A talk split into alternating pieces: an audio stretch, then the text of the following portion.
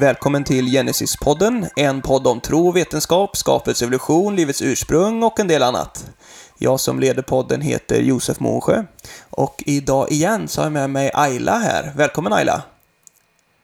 Du är ju eh, eh, känd som bibelöversättare, huvudöversättare för Nubibeln, eh, som vi pratade lite om i förra avsnittet, och, och teolog och språkvetare. Säger man språkvetare eller språkforskare?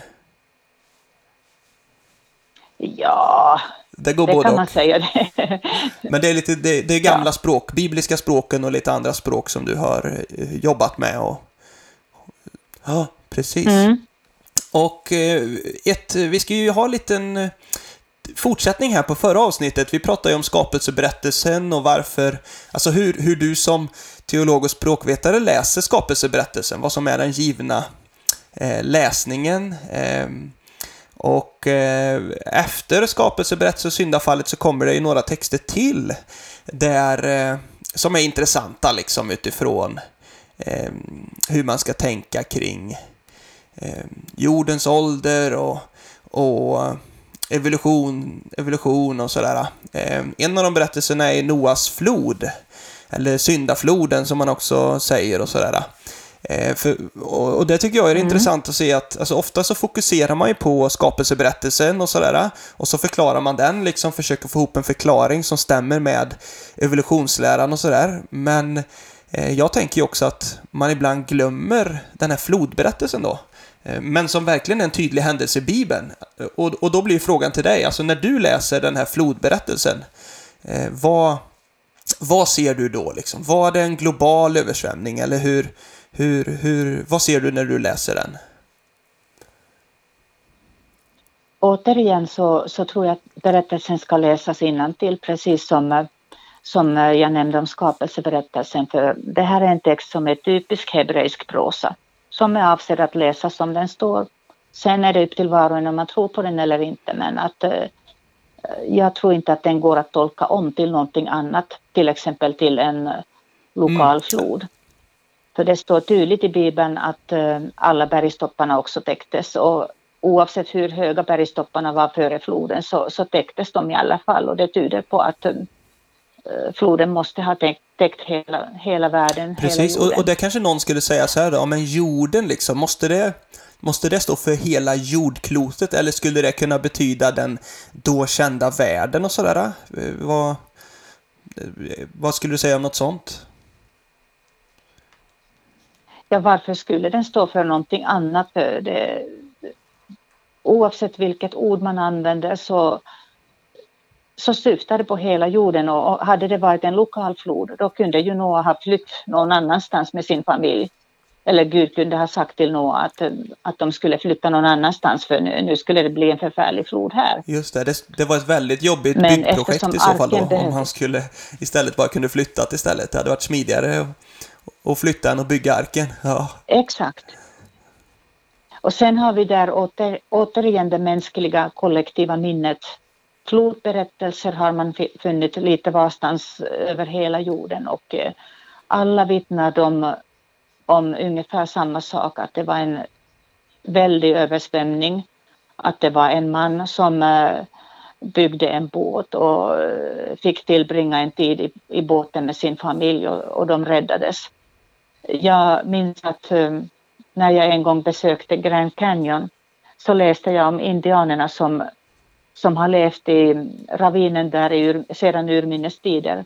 Och de har också en flodberättelse. De har aldrig sett havet så, så långt man vet tillbaka i tiden. Men de har också en flodberättelse där det står om en man som kom dit med sin familj eh, på en båt och stora likheter till Bibelns mm. berättelse. Mm. Det är klart, det är väldigt spännande, för ibland, ibland kan man ju och, höra så här att ja, men anledningen till att eh, vissa berättelser liknar varandra, det är för att de har liksom blandats upp och de har, man har liksom växlat berättelser med varandra. Men det är klart att om det är indianer i Amerika, liksom, det är ganska svårt för dem att byta berättelser med folket i, i Mellanöstern. Ja, och varför har man inte lika många berättelser om andra naturkatastrofer? Just det, om jordbävningar äh, eller något, det, någon det vulkanutbrott och sånt där då? Precis, jordbävning, ja, jordbävningar, vulkanutbrott, vad som helst. det finns ingen eh, liknande tradition om dem över hela jorden som, som det finns om flodberättelser. Och sen kan egentligen vem som helst observera alla avlagringar som finns eh, runt omkring över hela jorden och de liknar varandra oerhört mycket och, och sådana saker ser man ju i mycket mindre skala när det har varit en lokal översvämning. Det bildas den typen av avlagringar som vem som helst kan mm. observera.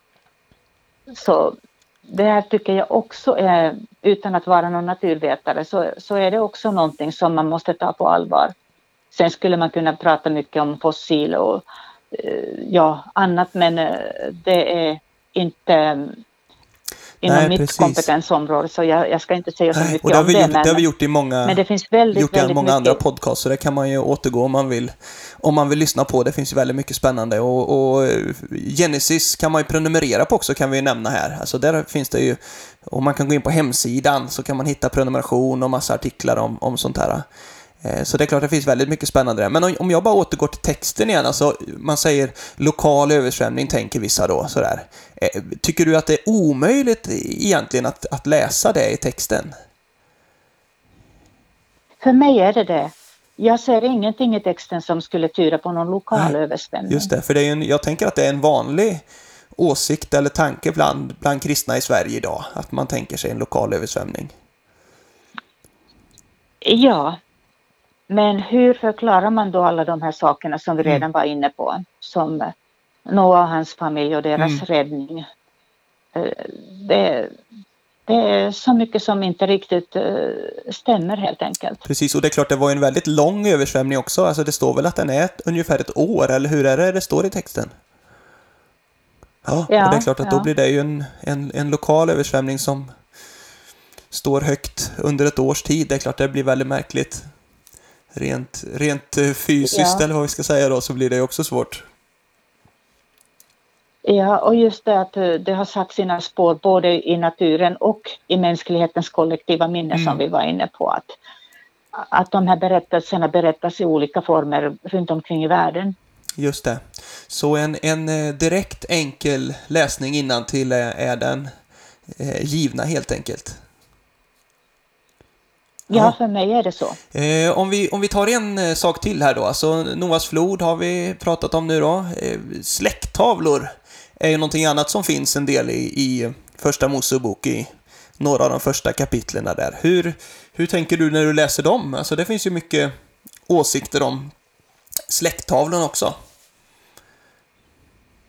Ja, för det första så måste man konstatera att de här släkttavlorna alldeles uppenbarligen inte är kompletta, kanske inte i någon handskrift.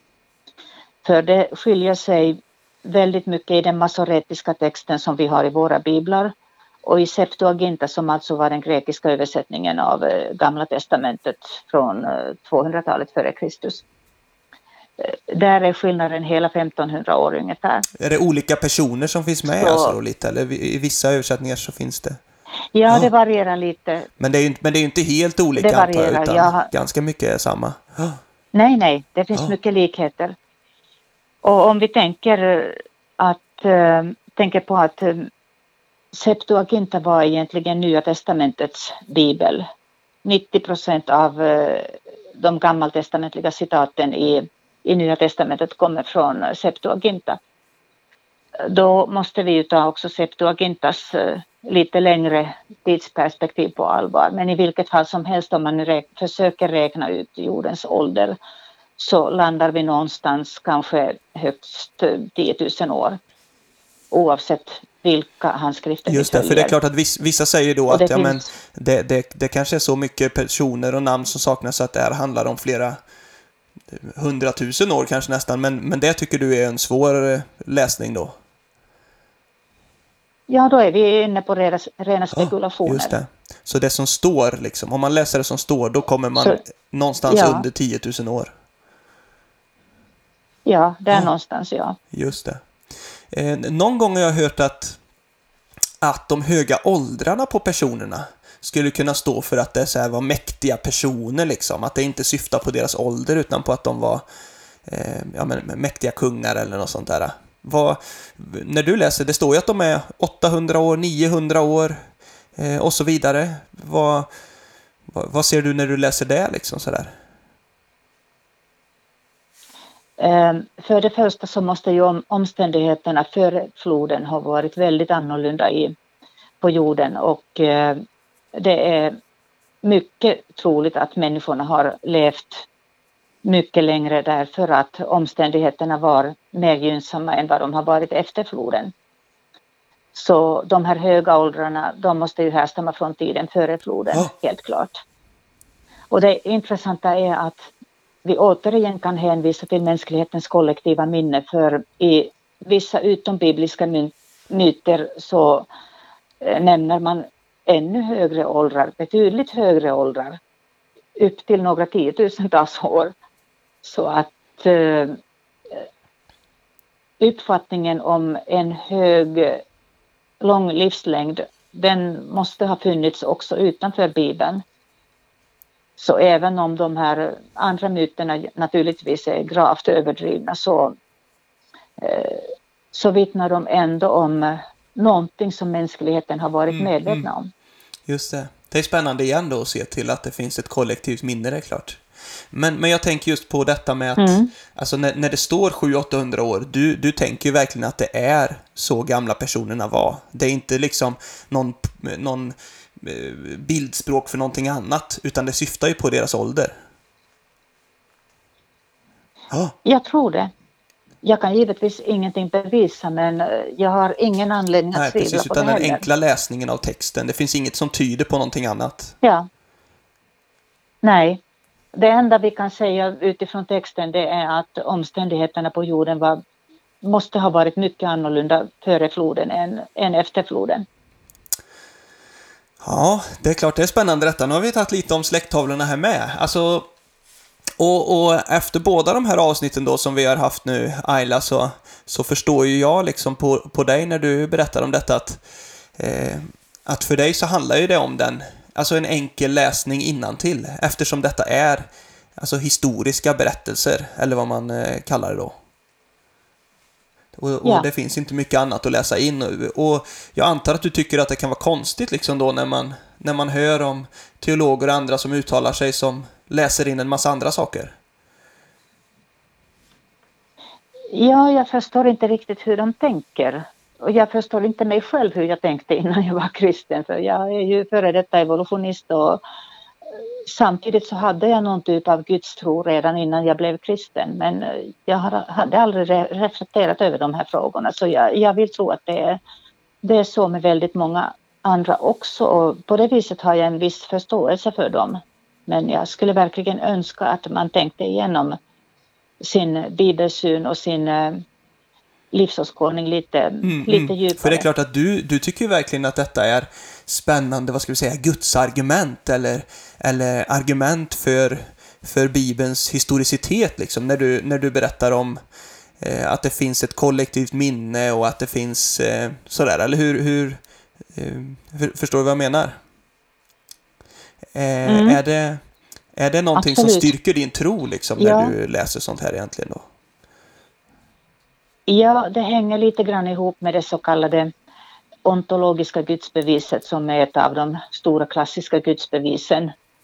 Om man nu kan tala om bevis, men det är det ordet man använder inom religionsfilosofin. Och, eh, att mänskligheten överhuvudtaget eh, har kunnat föreställa sig en gud som är så mycket högre och eh, som har all makt och, och så. Det, det tycker jag talar starkt för att han faktiskt måste finnas så att det vi vet om honom i Bib utifrån Bibeln, det, det måste vi ta på mm, allvar. Mm. Och för att nämna en sak till om släkttavlorna så, så har jag ofta tänkt på eh, till exempel Jesus släkttavla i Lukas evangeliet som går ända fram till Adam och eh, Gud. Och om man nu försöker tolka om eh, hela den mänskliga historien på något annat sätt så måste man, om man inte tror att Adam var en historisk person, så måste man någonstans anta att släkttavlan återgår till eh, eller går över till äh, mytens gestalter. Och var skulle den övergången ske? Just det, för det finns ju inget i de texterna som pekar på att ja, här, här är det verkliga personer och sen blir det mytiska personer, utan, utan det är bara i ett svep. Nej, ja. utan det, texten utgår ifrån att alla var mm. historiska mm. personer. Från Jesus tillbaka till Adam och Gud. Och det är klart att till våra lyssnare så finns det säkert många som känner att ja, men det här är självklart för mig. Men, men vi vill ju vara med och utmana liksom, för det är klart att vi känner ju att det finns en, en glidning åt, åt ett annat håll i kristenheten, där man, där man börjar läsa om de här texterna. Ehm, och det är klart att eh, du är ju en eh, kunnig person som pekar på att den, vad ska vi säga, klassiska synen, får man säga så? Den klassiska synen mm. är, eh, är den vi borde stå för. Ja, visst. Jättebra. Tack så mycket Ayla. Ehm, är det något mer du vill nämna innan vi avslutar? Tack. Ja, jag tror att det mesta vi kan säga i det här sammanhanget. Ja, precis. Vi, vi får återkomma med fler ämnen om vi ska dyka in i något annat då i så fall. Yes. Ja, tack så mycket. Och eh, vi, vi tackar alla lyssnare. Hör gärna av er med frågor eller eh, spekulationer, saker som ni har åsikter om till podden genesis.nu eller till oss på Facebook, Genesis Sverige eller Genesis kan man söka på där så hittar ni oss. Tack så mycket allihopa. Ha en fortsatt bra dag. Hej då.